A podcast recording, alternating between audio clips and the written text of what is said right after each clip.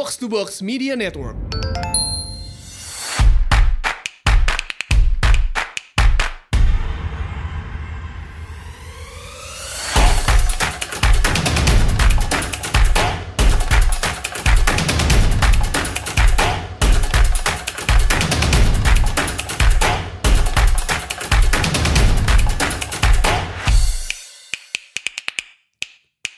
Selamat datang di Asumsi Bersuara dan kali ini kita kedatangan tamu spesial banget nih, Bang Faisal Basri, Bang. Selamat datang nih Bang di Asumsi Bersuara. Terima kasih.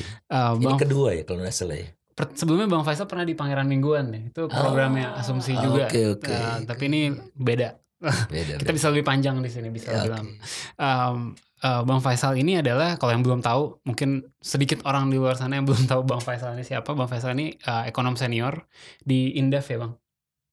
Eh, enggak juga saya cuma pendiri. Oh, pendiri. Oke. Eh, serahkan ke yang muda-muda lah. Oke, Bang Faisal ini um, ekonom senior lah, dosen saya juga dulu waktu kuliah dan um, kita mau bahas satu hal terkait peran Bang Faisal waktu itu menjabat juga sebagai ketua tim reformasi tata kelola minyak dan gas bumi. Serem banget nih. Dia tim an- apa anti mafia migas. Anti mafia migas. Terkenal nggak tahu siapa yang menjulukinya. Nah, baru-baru ini Bang, itu kan uh, kemarin sempat ada berita. Jadi KPK baru menetapkan satu orang ya, Bambang Bambang Irianto ya namanya. Ya mantan eh, dirut presiden direktur PES ya. Mantan Presiden Direktur PES. PES Se- itu anak perusahaan Petral.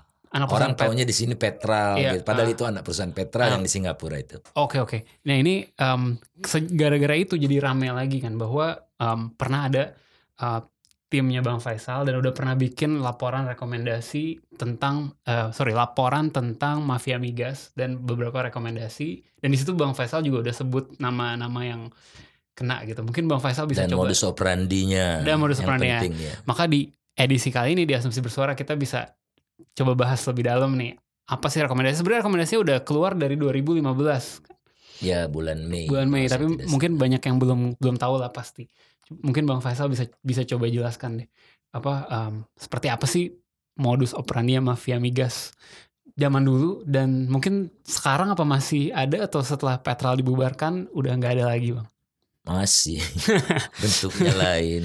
Rampok bank sekarang mereka itu. oke Eh nanti kita bahas satu-satu. Eh kita pernah menjadi produsen dan eksportir eh, utama dunia untuk eh, minyak ya, Ya. minyak mentah. Eh, pernah puncaknya itu produksi kita 1,6 juta barrel per hari bandingkan dengan sekarang yang di bawah 800 ribu dolar, dolar. Eh 800 ribu barrel. Eh, pada waktu itu konsumsinya masih sekitar 400 sampai 600 ribu barrel. Jadi kita bisa mengekspor eh, di puncaknya itu 1,2 juta barrel per hari.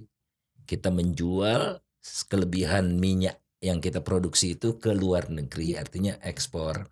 Nah sebetulnya eh, rente itu, pemburuan rente itu terjadi sejak saat itu. rente ini apa bang mungkin dijelaskan. Rente itu eh dalam artian ini eh memperoleh adalah eh, apa pemburu rente ya. Iya. Rent seeker itu adalah memburu eh nilai ekonomi yang melebihi dari batas-batas kepatutan. oke Jadi tidak mungkin itu eh, dan eh, dia hanya bisa melakukan itu kalau eh, berkolaborasi dengan penguasa. oke Nah, itu. Ya. Kalau dia bersaing secara eh, bebas di pasar, nggak mungkin dapat pemburu rente. nggak mungkin Itu, dapat rente. eh, super normal profit kita sebut di dalam Iya. ekonomi. Kalau rente ini ada dimensi eh, kedekatan dengan kekuasaan. Dia tidak mungkin memperoleh eh, keuntungan yang super besar tanpa backup, tanpa eh, dukungan atau tanpa kedekatan dengan penguasa yang memberikan lisensi. oke Nah pada waktu itu eh, didirikanlah yang namanya eh, 69 ya pada tahun 69 itu didirikan eh, perusahaan yang namanya eh, Perta Group ya Perta Group. eh itu terdiri dari Perta Oil Marketing Corporation Limited yang didirikan oleh Pertamina, kemudian eh Perta Oil Marketing Corporation, perusahaan California yang menjalankan aktivitas kesehariannya di California yang dipimpin oleh mantan eh, CIA di Jakarta. Waduh, serem banget. Nah, jadi eh, Oke. satu Amerika, Oke. satu Indonesia karena Oke. minyak ini sebagian besar dijual ke Amerika. Oke. Nah, itu. Ya. Nah, kemudian eh tahun 69 ya, tahun 78 oh, dan didirikannya di Bahama gitu. Oke. Nah, aneh ya, didirikannya di Bahama. Perusahaan berbadan hukum Bahama berkantor di Hong Kong. Kenapa tidak di Hong Kong aja? Kenapa Hmm. di Bahama? Anda tahu sendiri Bahama kan eh, eh, apa istilahnya Tax haven. offshore, tax Offshore, haven ya offshore financial center, eh, tax haven segala macam. Nah tahun 78 reorganisasi besar-besaran perusahaan yang berbasis di Bahama ini digantikan oleh Perta Oil Marketing Limited berbasis di Hong Kong. Eh, pemegang sahamnya itu eh, ya satu persen, kira-kira satu persen gitu eh, karyawan Pertamina, kecil lah pokoknya ya. Kemudian ada Bob Hasan dan Tommy Soeharto. Tuh. Oke. Anda bayangkan eh, waktu itu satu juta barrel lah katakannya tadi 1,2 ya. Kira-kira 1,1 juta barrel kalau fee-nya satu ba- satu dolar saja per barrel itu 1,2 juta dolar per hari. Oke. Anda kalikan saja 360 lah ya. Itu rentenya tuh. Eh, itu rente yang Oke. eh, eh, eh, mereka dapat.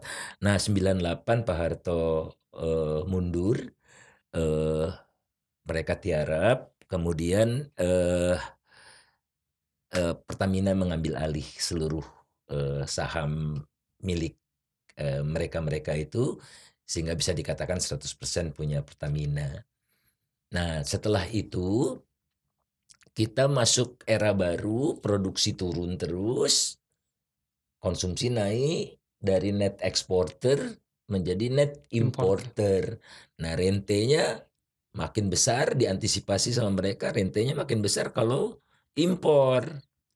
Rentenya makin besar kalau impor. Kalau impor kan dulu ada impornya kecil, sekarang impor kan ke- kita membangun butuh energi. Iya. Konsumsinya tinggi, produksi minyak kita turun Iya, terus. iya, iya. Ya sehingga kita jadi net importir.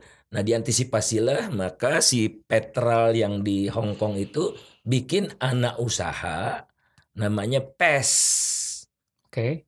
Di Singapura itu eh, Pertamina Energy Service di Singapura itu arm's length-nya Pertamina. Jadi dikatakan oleh teman-teman dulu ya waktu saya investigasi itu eh, ini trading company-nya Pertamina bukan trading company, dia cuma agen pen- pembelian. Agen Pertama pembeliannya Pertamina. Jadi Pertamina butuh minyak kan karena Iya, impor. iya.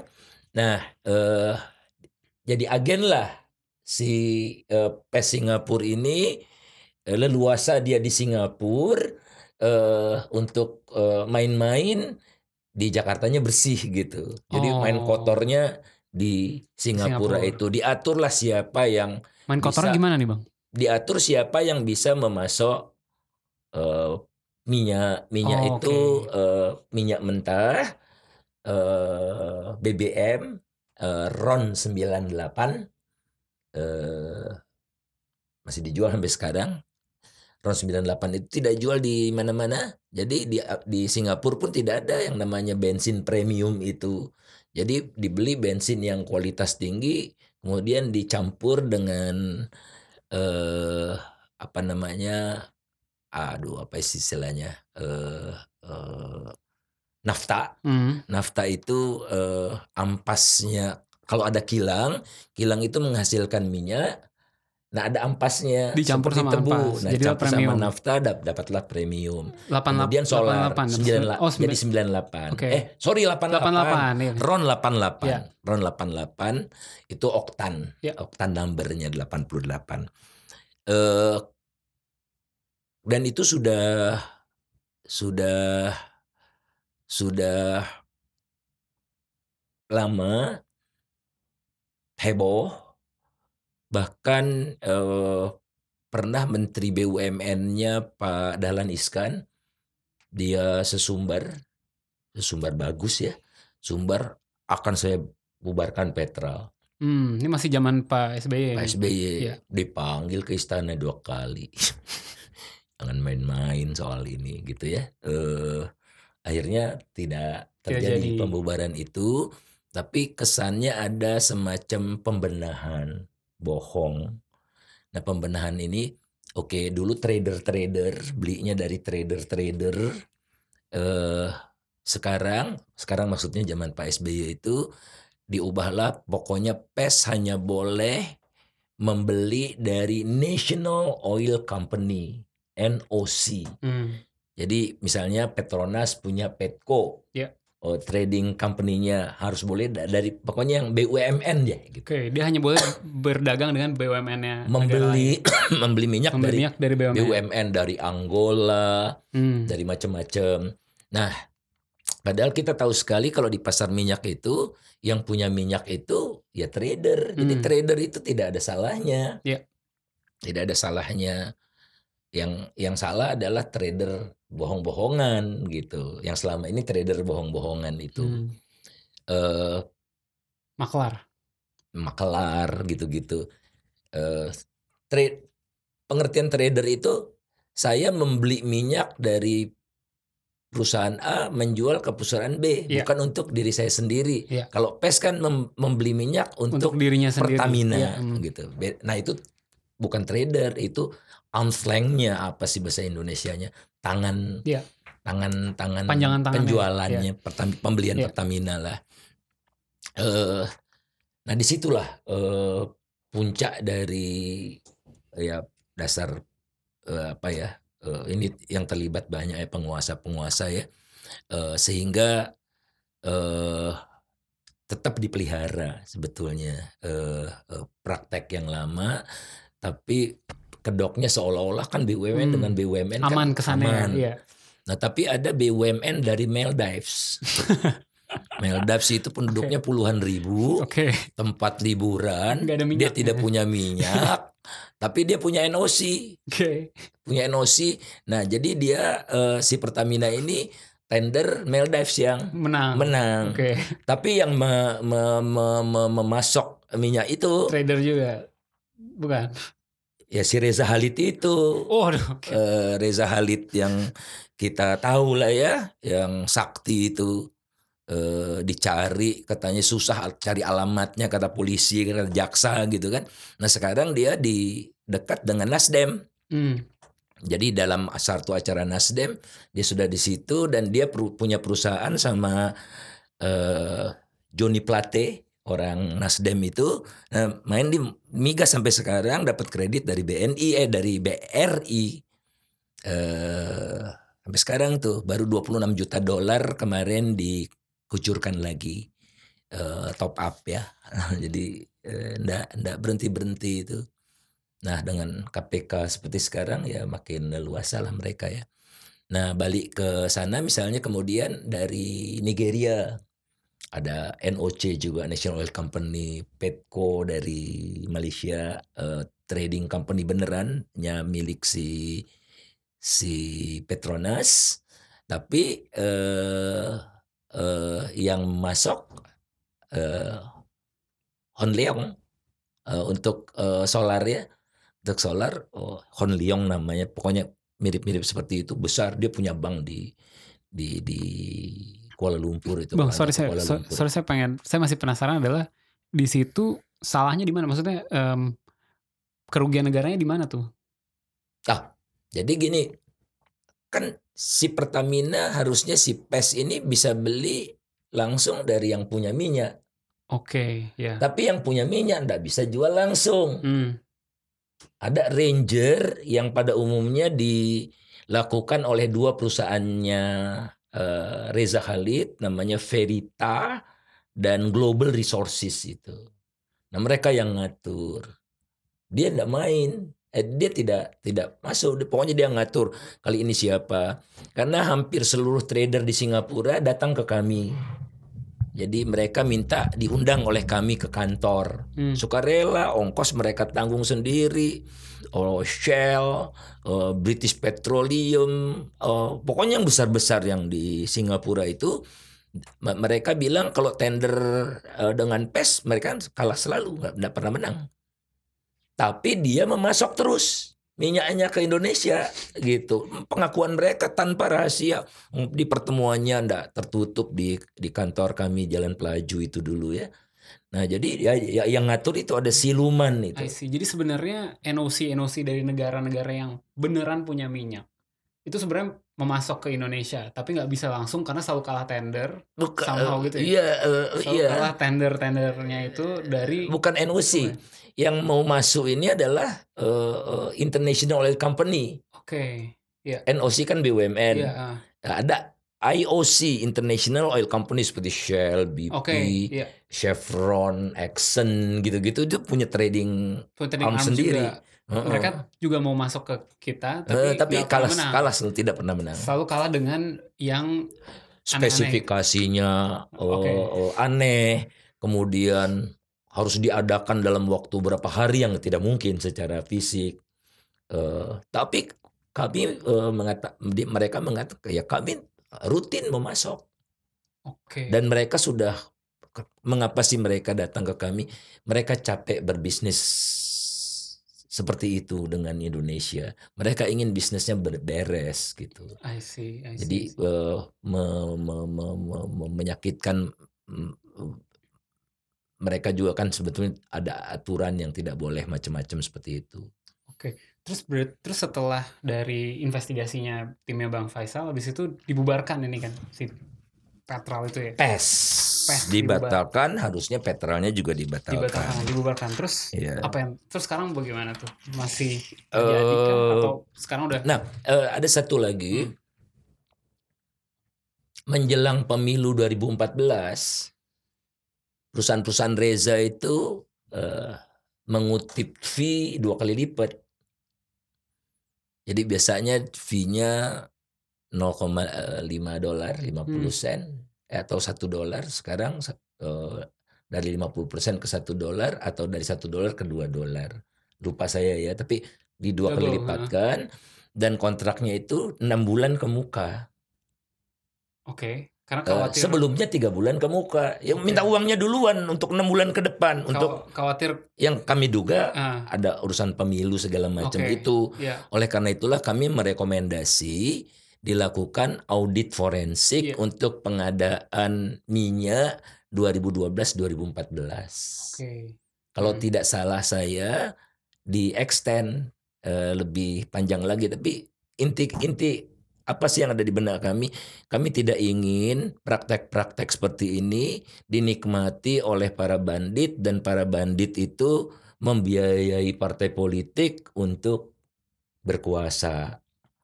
Jadi negara bandit kita, demokrasinya seolah-olah jalan, prosedural di belakangnya diatur oleh para bandit ini. Iya. Nah, itu yang kami ingin eh, eh, eh, eh, ungkap gitu ya. Hmm.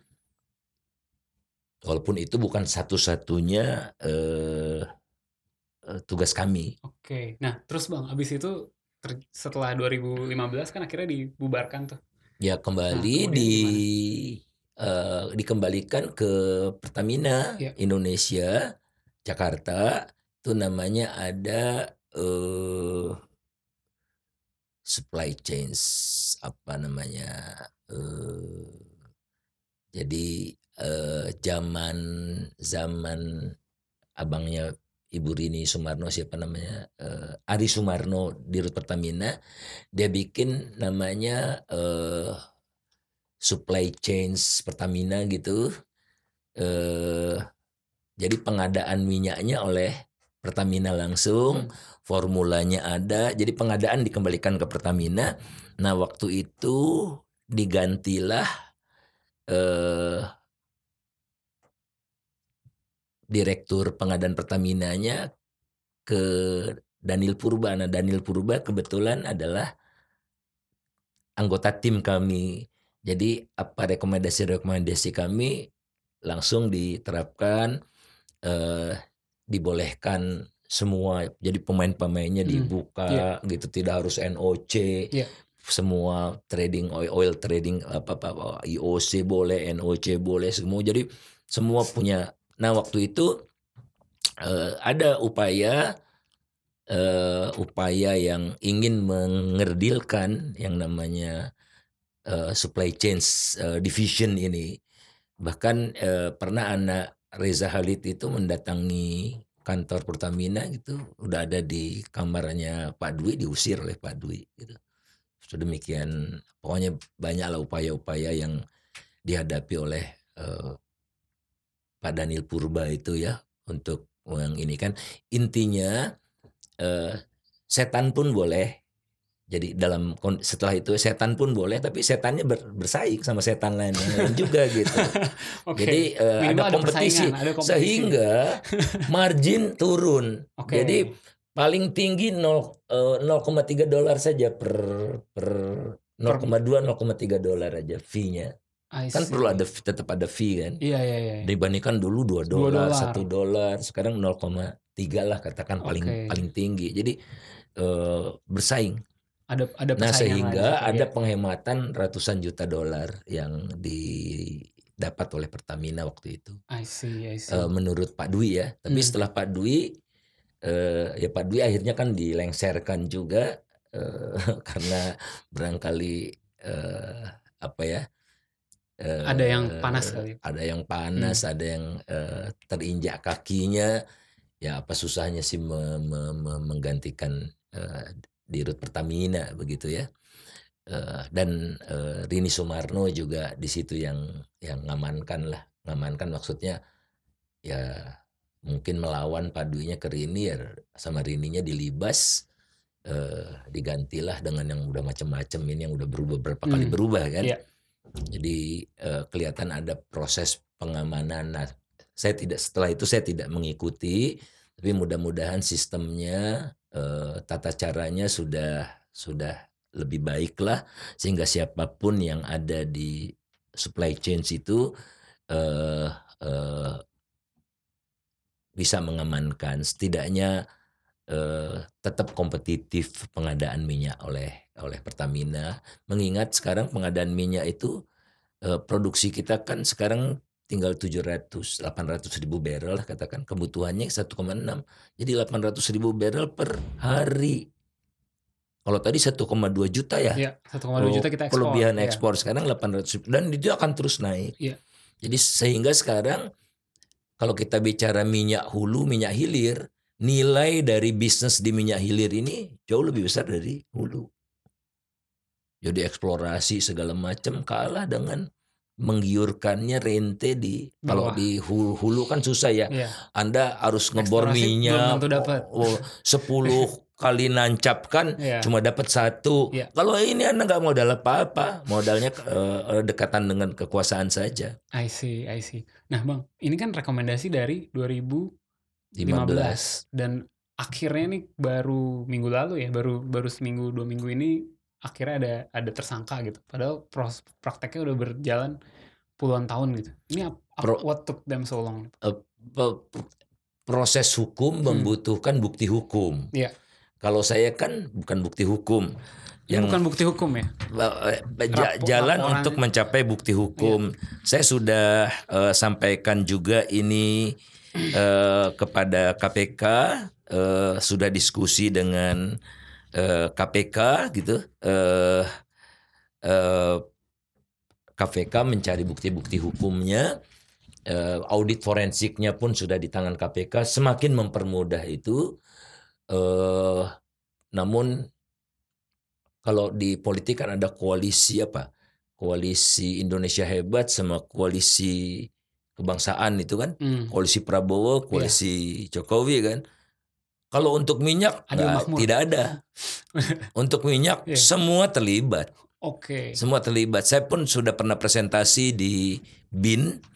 Eh, di BIN itu ada eh, waktu itu ada anaknya Hendro Priyono saya sebut siapa namanya saya lupa lah ya Eh, anaknya Hendro Priyono juga eh, minta jatah kata Pak Dwi eh, ya ikut tender aja yang dengan sistem yang baru gitu.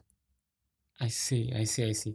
Oke, kalau ini kan jadi rame juga karena ada kaitannya dengan kemarin ada UU KPK yang baru, kemudian um, pemilihan ketua KPK juga kontroversial, bang. Ada ada ada urusannya nggak dengan dengan ke depannya investigasi terhadap kasus-kasus ini sebelumnya, bang Faisal, menurut bang Faisal gimana? Ini sebetulnya eh pintu masuk ya. Bambang Irianto kan sebetulnya pion. Oh, dia hanya pion. Pion. Walaupun dia apa direktur utama pion. dari dia diperintah oleh Reza Halid. Ya. Oke. Okay. Uh, masukkan ini, masukkan ini, hilangkan ini, kalahkan ini. Ya, diatur oleh Reza Halid itu sebetulnya. Nah, uh, kita lihat saja Reza Halid berkawan dengan Hatta Rajasa kan. Kemudian atasnya lagi Purnomo Sugiantoro itu. Nah, hmm. itu kita lihat saja konstelasinya di situ.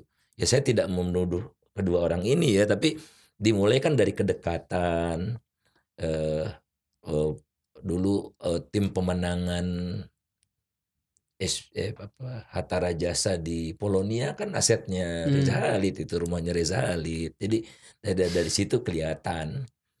Bahkan Reza Halid pun uh, pernah bertemu dengan Pak Jokowi gitu ya. Uh, dibawa oleh Hatta Rajasa kalau saya tidak salah.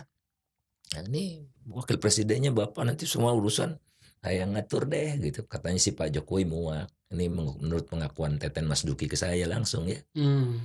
Teten ada di situ. Eh, jadi mereka mau ngatur negara ini seperti Bapak minta saham itu kan. Oke oke oke. Wah ini serem banget nih kayaknya. Moga-moga nggak apa-apa ya. Nah, lebih kita... serem lagi dengan kondisi sekarang. Gimana? Ya enggak. Oh, mau kebakaran hutan iya, itu iya. kan oh, oh, oh, oh, raja-raja sawit gitu kan wah macam-macam jadi saya, saya jadi saya jadi menarik nih tentang kan sekarang belakangan ini banyak banyak kasus aneh-aneh lah dari apa um, maksudnya um, banyak hal yang disayangkan lah gitu menurut saya dari pemerintah. Kalau Bang Faisal nih dua dua minggu pas seminggu sebelum pemilu kemarin akhirnya bersuara kan mendukung um, paslon Pak Jokowi gitu kan. Udah menyesal belum? Oh sama sekali tidak menyesal. Tidak menyesal. Karena kan tidak ada pilihan. Pilihannya okay. kan Prabowo atau Jokowi. Iya. Sama rusaknya kalau dilihat dari perspektif rente-rente ini. Oke. Okay. Jadi penguasaan lahan kan dikatakan oleh Pak Jokowi, Pak Prabowo punya ratusan ribu. Nah, uh, uh, uh, Luhut Panjaitan siapa? Punya berapa uh, uh, ribu hektar? Sama kalau perspektif itu. Mafia migas di kedua pihak-pihak ada.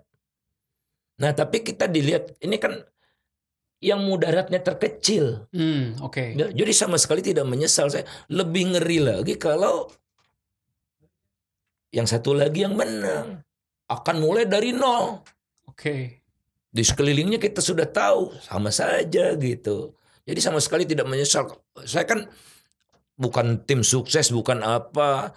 Saya nge-tweet minggu lalu apa dari Edinburgh itu saya uh, tidaklah disebut pemimpin itu bersih kalau membiarkan sekelilingnya kotor. Iya iya baru Bang Faisal salah iya. sendiri, tahu ikut tanggung jawab. Iya. Justru kita konsekuen memilih Jokowi dan kita jaga Jokowi supaya nah bagaimana jaga Jokowi kita gonggong terus orang-orang sekelilingnya yang memang jahat-jahat. Ada Enggar, ada oh, Luhut Panjaitan kan, ada Rini Sumarno, ada Amran Sulaiman. Ya, saya udah sebutkan dari dulu. Bang Faisal nggak ada takut-takutnya ya? No, saya disomasi sama presiden saya udah pernah gitu. Tahun 90 Pak Habibie almarhum uh, mensomasi saya tapi bukan Pak Habibie yang mensomasi ya Mabes Polri. Iya. Saya diinterogasi. Ya udah. Yang penting kita tidak fitnah itu saja.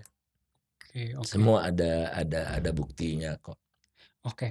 Bang, kan uh, Bang Faisal kan juga ekonom senior nih. Mungkin kita senior tuh artinya udah tua ya.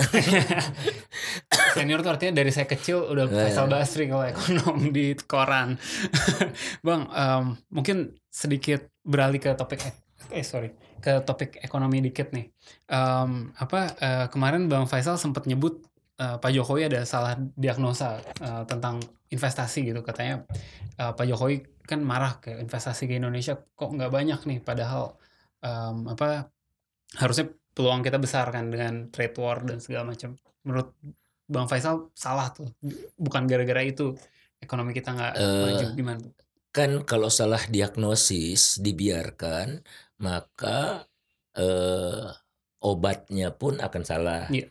Jadi karena investasi tidak nendang kata Pak Jokowi investasi itu uh, uh, memble marah-marah dia ke menterinya kepala BKPM kepada kepala BKPM uh, akibatnya karena kita percaya itu karena Pak Jokowi percaya itu akan dibikin Kementerian Investasi. Hmm kan jadi kacau gitu. Nah, investasi di Indonesia eh, pertumbuhannya rata-rata di atas PDB. Ya. PDB kita 5%, hmm. investasi rata-rata di atas PDB walaupun tidak terlalu di atas. Eh, memang pertumbuhan investasi kita kalah dengan India dan Vietnam. Tapi kita di atas China sudah pertumbuhannya. Di atas China, Afrika Selatan, Malaysia, Filipina gitu ya. Uh, jadi tidak jelek. Kemudian investasi besar kecilnya kan ber, jangan bandingkan investasi Singapura dan Indonesia. Singapura kan negara kecil. Jadi biasanya untuk menghitung besar kecilnya investasi itu dibandingkan dengan ukuran ekonominya, PDB-nya, yeah. produk domestik brutonya investasi sebagai share terhadap PDB di Indonesia 32 persen. 32 persen. Relatif tinggi cuma kalah dengan China. India kalah, seluruh negara negara ASEAN kalah. Hmm. Seluruh negara ASEAN di bawah 30 ya. persen. Yeah. Yeah. Uh, Indonesia juga lebih tinggi dari rata upper middle income group maupun lower middle income group. Kemudian eh, kredit kita tumbuh double digit hampir selalu ya eh, perbankan. Kemudian investasi asing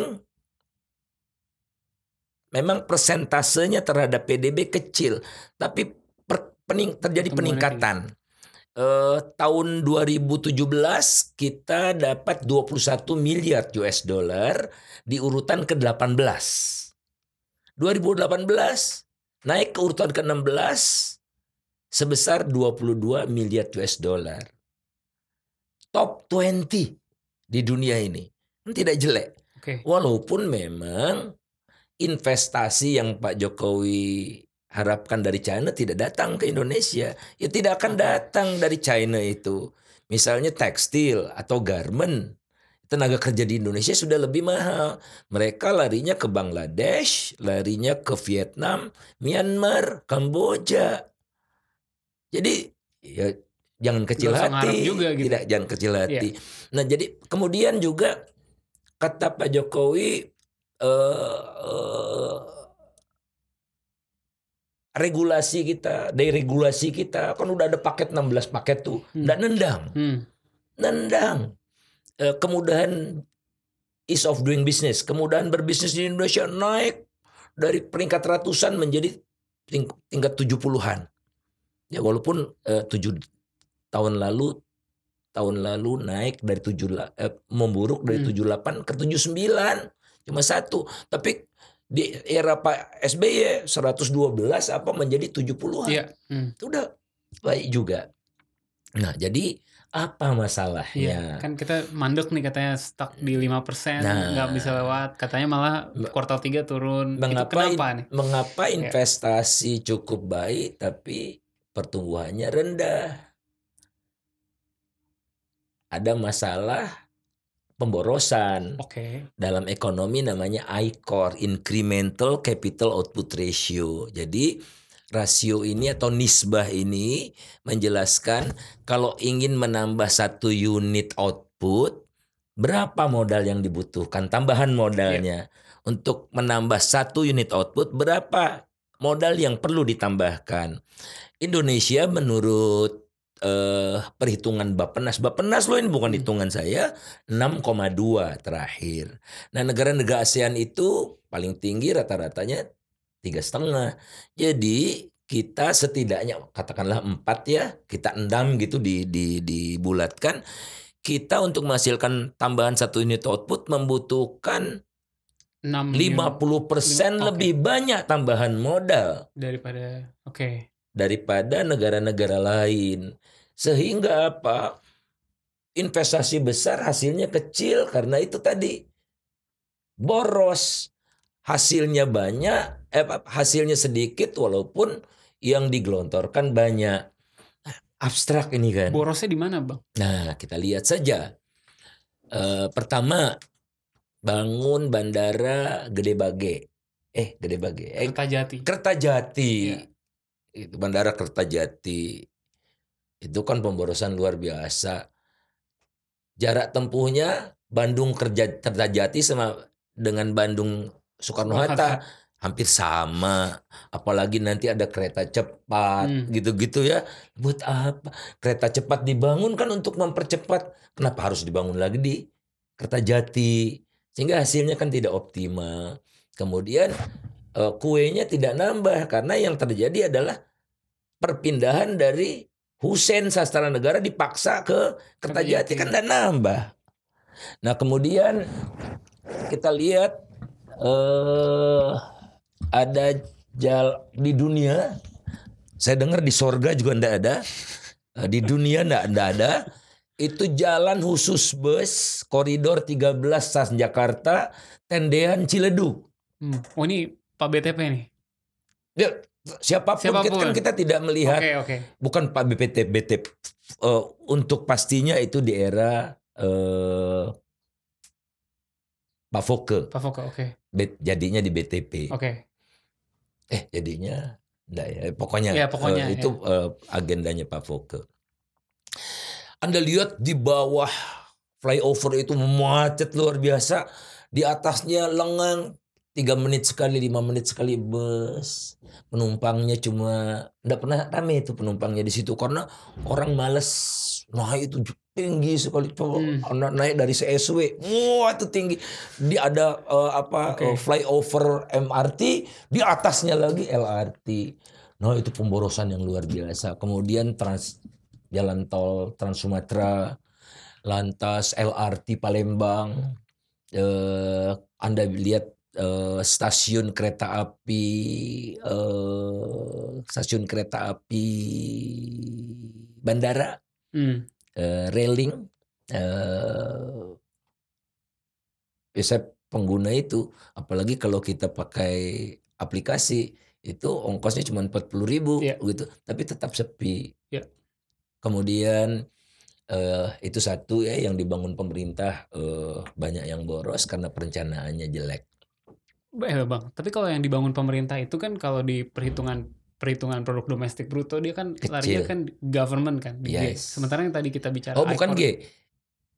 Government investment.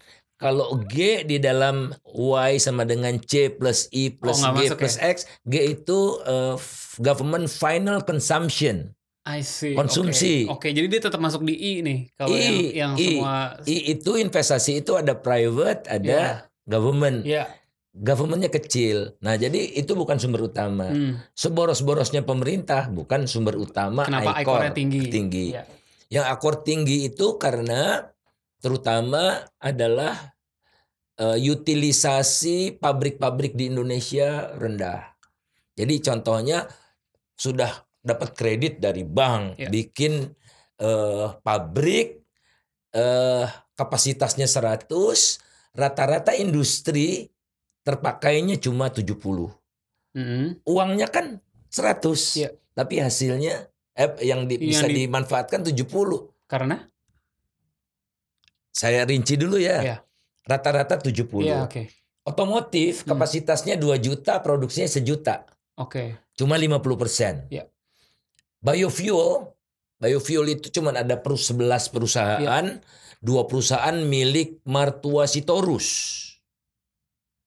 Raja Sawit.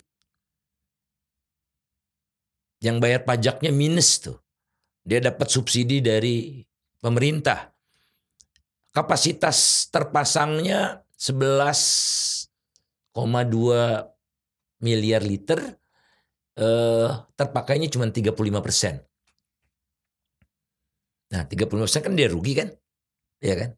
Tapi uangnya tambahan modalnya kan udah 100, tapi hasilnya cuma 35. Tekstil kita sekarang sedang ramai. Hmm. Bangun pabrik tekstil, ini ada perusahaan bangun pabrik mau produksi ini udah selesai pabriknya tidak jadi produksi. Karena dibuka oleh Enggar produk-produk impor dari China mampus. Hmm.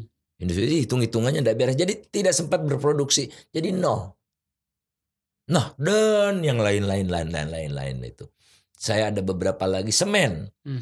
Semen kita kelebihan kapasitas tapi dibuka keran impor mati lagi semen kita itu. Syukur ada yang bisa ekspor ya semen Indonesia, BUMN kita itu keren dalam hal ini. Tapi secara rata-rata ya kapasitasnya seperti itu. Nah kemudian di belakang sini, di belakang tempat kita bertemu ini eh ada KPK kan, KPK hmm. belakang itu. Anda lihat di situ kan eh, sepi itu kalau Anda jam kerja lihat itu bus dan selevel minibus itu uh, sepanjang hari kerja, sepanjang jam kerja itu nongkrong di situ. Bus siapa itu? Kementerian Hukum dan Hak Asasi Manusia. Bus pegawai, hari gini masih ada bus pegawai untuk jemput, terus dia berhenti di situ, nongkrong di situ sampai mereka pergi untuk mengantarkan pulang. Luar biasa pemborosan yang terjadi itu. Jadi negara kan investasi dalam bentuk kendaraan ada. Ya, Jadi investasi ya. itu adalah dalam bentuk gedung, dalam bentuk kendaraan, CBR (Cultivated Biological uh, uh, uh, uh, Product), kemudian ada intellectual property dan ada mesin dan peralatan. Hmm. Nah, dalam bentuk kendaraan tuh boros-boros seperti itu masih dibiarkan seperti itu. Jadi kelihatan kok nyata sekali. Bang, kalau yang tadi yang um, kapasit uh, over capacity dari um, yang swasta-swasta yang pabrik tadi kapasitasnya 70 otomotif hanya setengahnya segala macam. Itu pertama kenapa dan harusnya apakah ada kebijakan pemerintah harusnya untuk mendorong supaya nggak terjadi lagi yang kayak gitu? Ya seperti tekstil. Hmm. Uh, kemarin baru hari Senin ya, ya. Uh, diterima oleh presiden eh, pengusaha tekstil dan eh, produk tekstil itu mengeluh karena membanjirnya produk dari China membanjir produk dari China itu eh, mereka kan kesulitan ke Amerika kan karena ya. trade war Nah, jadi kita bukan dapat limpahan pabrik yang pindah, tapi limpahan produk, produk yang nggak dijual di sana. Tidak bisa dijual di sana. Dan itu resmi dibuka kerannya oleh Enggar Menteri Perdagangan kita. Jadi kalau dulu impor kain itu hanya boleh importir produsen. Sekarang Anda pun bisa. Impor dua helai pun Anda bisa sekarang. Itu hebatnya Enggar bagus buat konsumen. Tapi kan sebetulnya bagus buat konsumen apa? Karena harga harga si China itu tidak wajar, predatory, dumping. Dia predatory dumping. Hmm. Dia sudah untung dari mana-mana, selebihnya dia jual 10 rupiah pun sudah tambahan keuntungan buat dia. Udah nutup variable cost kan. Hmm. Nah, jadi Nah, kalau kita biarkan seperti itu ya udah kita nggak usah produksi karena harga beras pun lebih murah di Vietnam. Apa semua ya udah kita jadi konsumen saja kan nggak bisa begitu.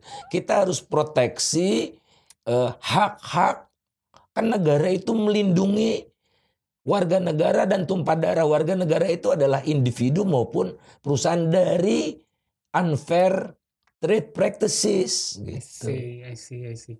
Nah Menteri Perdagangan di mana-mana itu melindungi. Kalau Enggar membunuh. Tidak hanya tekstil yang dibunuh oleh Enggar. Petani gula, beta, uh, uh, Krakatau Steel, dibuka semua keren besi baja, datanya ada. Mudah-mudahan saya akan menerbitkan buku yang saya tunjukkan kebeja dan enggar itu. Ada di buku saya insya Allah nanti. Tapi em, saya coba ini ya apa em, bukankah harusnya dengan harga yang lebih murah misalnya misalnya tadi Krakatau Steel eh, apa baja yang lebih murah datang dari luar harusnya itu bisa me- mendorong investasi di sektor hilirnya lagi kan misalnya butuh baja buat konstruksi atau butuh buat infrastruktur lebih murah harusnya lebih besar investasi terjadi lagi dong enggak ya pertumbuhan ekonomi bisa berputar lebih Iya, intinya Hmm. adalah kita harus kompetitif, oke? Hmm. Ya, besi baja kita cukup kompetitif. Iya. Nah, masalahnya adalah tiba-tiba dibuka keran Hmm. impor tatkala Cina kelebihan kapasitas. Hmm. Nah, kalau kelebihan kapasitas berarti dia butuh pasar. Ya. Nah, kita membuka begitu dengan harga yang tadi tidak hanya Indonesia yang mengeluh, negara-negara lain juga mengeluh dengan eh, produk ini. Kalau eh, masuknya fair, tidak ada masalah. I see, I see. Selain itu ada ada lagi nggak kebijakan yang harus yang menurut Ba- Bang Faisal perlu dibuat atau direvisi terkait gimana caranya kita bisa bisa tumbuh lebih cepat lagi apalagi menghadapi kemarin ya eh, pertumbuhannya stagnan gitu, Bang. Oke, kalau kita lihat industri kita ini di era Pak Jokowi tumbuhnya turun terus triwulan atau semester satu tahun ini sudah di bawah 4% tumbuhan industri manufakturnya. Nah kemudian eh, kedua ekspor kita turun terus minus 8% Januari Agustus dibandingkan Januari Agustus tahun sebelumnya. Investasi masuk, investasi terjadi. Nah, tapi investasi yang terjadi yang tidak kecil itu tidak menambah kapasitas ekspor. Hmm, oke. Jadi mereka investasinya di apa? Di Mamin, industri makanan minuman. Ini kan semua asing semua. Iya. Apa yang Anda sebut? Aqua asing, oh, oh, Garuda Food juga sudah dipegang oleh asing. Oh, karena luar biasa dan industri Mamin ini pertumbuhannya 8% sampai 10% setiap tahun. Karena ini makanan minuman mau resesi mau apa kita tetap minum kan. Ya. Apakah karena resesi kita mengurangi minum dan kualitas air tanah kita makin jelek? Hmm, Ah, udah makin laku lah. oke. Jadi datang itu industri Mamin datang. Kemudian kita lihat lagi oke otomotif. Otomotif memang ekspornya eh, naik terus tapi netonya kita masih minus. Jadi Hmm. masih Banyak net importer. Eh eh, tadi saya katakan kapasitasnya masih lowong kan 50%. iya, iya. Nah, bagaimana kita bisa meningkatkan, memberikan insentif kepada mereka, ngomong bicara dengan Jepang, eh Jepang kalau kalian jual eh, mobil ke Australia, ke New Zealand, lewat Indonesia aja pabriknya karena jauh lebih dekat Hmm. gitu. Nah, diplomasi seperti itu yang yang Kurang, dibutuhkan belum. untuk meningkatkan kapasitas yang tidak terpakai ini. Jadi kalau Pak Jokowi pemerintahan Pak Jokowi itu agak abai baru akhir-akhir ini dia ketemu dengan industri tekstil yang sudah megap-megap baru ketemu di istana dan menyesal. Pak Jokowi mengatakan Hmm, menyesal eh, eh, eh, membuka keran impor. Kan ada di media saya juga bacanya di media kemarin. Menyesal ya. Nah berarti ini kita tidak berharap Pak Jokowi sebagai presiden itu tahu semua. Sekelilingnya ini yang begundal-begundal ini yang punya agenda sendiri sendiri ini oleh karena itu kita harus kawal Pak Jokowi eh untuk itu tadi lebih apa ya lebih lebih lebih melihat perspektif yang lebih luas. Saya baru diskusi dengan eh, mantan mahasiswa saya juga tadi barusan sore tadi itu eh, eh, menyampaikan eh, ya yang eh, banyak sekali bahkan di di di Kementerian Koordinator Maritim ada faksi yang lihat jangka panjang, ada faksi yang pengennya jangka pendek jangka pendek. bikin senang bos gitu-gitu. Hmm, hmm.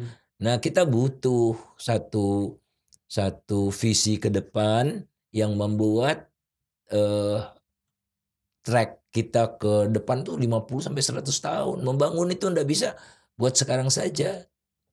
Tapi untuk diwariskan untuk 100 tahun ke depan. I see. Oke oke oke. Bang Faisal, mudah-mudahan Bang Faisal nih didengarkan oleh Pak Jokowi. Siapa tahu Bang Faisal yang jadi. Ya, kan ada orang spesialisasinya macam-macam ya. Kalau saya spesial menemukan masalah. Oke. Tidak berarti saya mampu untuk menyelesaikan eh, masalah. Eh, saya promote orang-orang terbaik yang saya tahu untuk menduduki posisi-posisi ya namanya juga usul gitu ya. Malam ini pun saya ingin bertemu dengan ya teman di eh, istana. Kan saya sampaikan orang-orang yang menurut saya baik gitu tolonglah jangan yang ya, kelemer-kelemer gitu ya, yang baik yang nggak usah nggak usah belajar lagi. Langsung dia bisa bisa kerja visinya sudah tahu. Banyak orang-orang baik.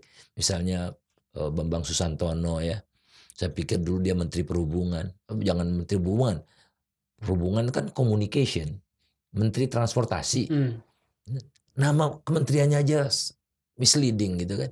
Kementerian Transportasi itu Bambang Susantono, tapi kalau nggak dipakai dia vice presidennya EDB.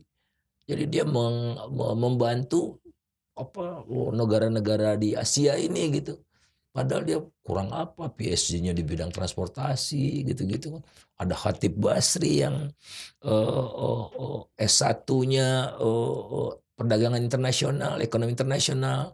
S3-nya tentang industri dia ngerti sekali udah jadi dia menperin dak gitu kan Hmm. Oh, ahli negosiasi juga mudah-mudahan gitu jangan menteri keuangan nah menperin dak supaya industrinya beres jadi kita berharap Pak Jokowi kan tiga ujung tombak peningkatan ekspor. Pertanian industri tambang. Ya. Iya kan? Nah kalau Gojek mau kita ekspor tuh ditentang oleh Malaysia. Itu kan tiga ini yang berwujud fisik yang kita ekspor. Nah tiga menteri ini kasihlah ke orang-orang yang betul-betul bisa menguatkan visi jangka panjang Indonesia agar kita 2045 betul-betul jadi negara maju Amin, amin. Bang Faisal ini udah hampir satu jam nih kita ngobrol. Ada terakhir nggak apa Bang Faisal yang kayaknya pengen disampaikan dari tadi yang saya belum sempat nanya atau apa? Masih ada gak? Tentang baik, baik tentang mafia migas tadi atau tentang perekonomian juga boleh. ya kita walaupun saya agak pesimis ya dengan kejadian belakangan ini tapi eh, mudah-mudahan secara kolektif kita tidak boleh surut. Kita harus eh, menyuarakan eh, eh, sisi lain dari eh, bangsa ini penguatan civil society eh, agar eh, negara ini tidak dikuasai oleh sekedar political community dan business community yang jalin menjalin ditambah dengan kekuatan mereka menguasai media. Nah, jadi perjuangan kita walaupun kalau saya udah serasa capek ya ndak boleh capek. Harus bersuara terus karena satu yang kita miliki keterbukaan siapa pun yang jadi Kapolri, siapa pun jadi presiden, siapa jadi panglima TNI, siapa pun jadi Menhan itu tidak bisa membungkam kita karena demokrasi itu sudah hadir dan eh, mendarah daging di kita dan itu harus kita pelihara. Jadi kalau kita kehilangan demokrasi pula, ah udah selesai kita. Jadi ayo kita pelihara apa yang kita miliki. Eh, ada batasnya kok yang namanya eh, apa kesewenang-wenangan itu nanti akan kalau mudah-mudahan ini jadi equilibrium baru lah ya. Ya mungkin kita akan mengalami krisis kecil eh, sebentar dan akibat krisis kecil itu baru kita sadar oh iya. Jadi Pak Jokowi perlu dapat momentum. Oh iya saya salah. Oh iya sekeliling saya kotor dan saya ingin mulai eh, apa me- membuka lembaran baru saya akan mewariskan sesuatu yang institusinya kuat untuk ke depannya. Oke. Makasih banget Bang Faisal Terima udah kasih atas sama-sama. waktunya datang ke sini. Terima kasih banget. Terima kasih sama-sama. Jangan lupa follow Asumsiko, follow Box to Box ID. Kita ketemu lagi di Asumsi Bersuara hari Selasa depan. Ciao.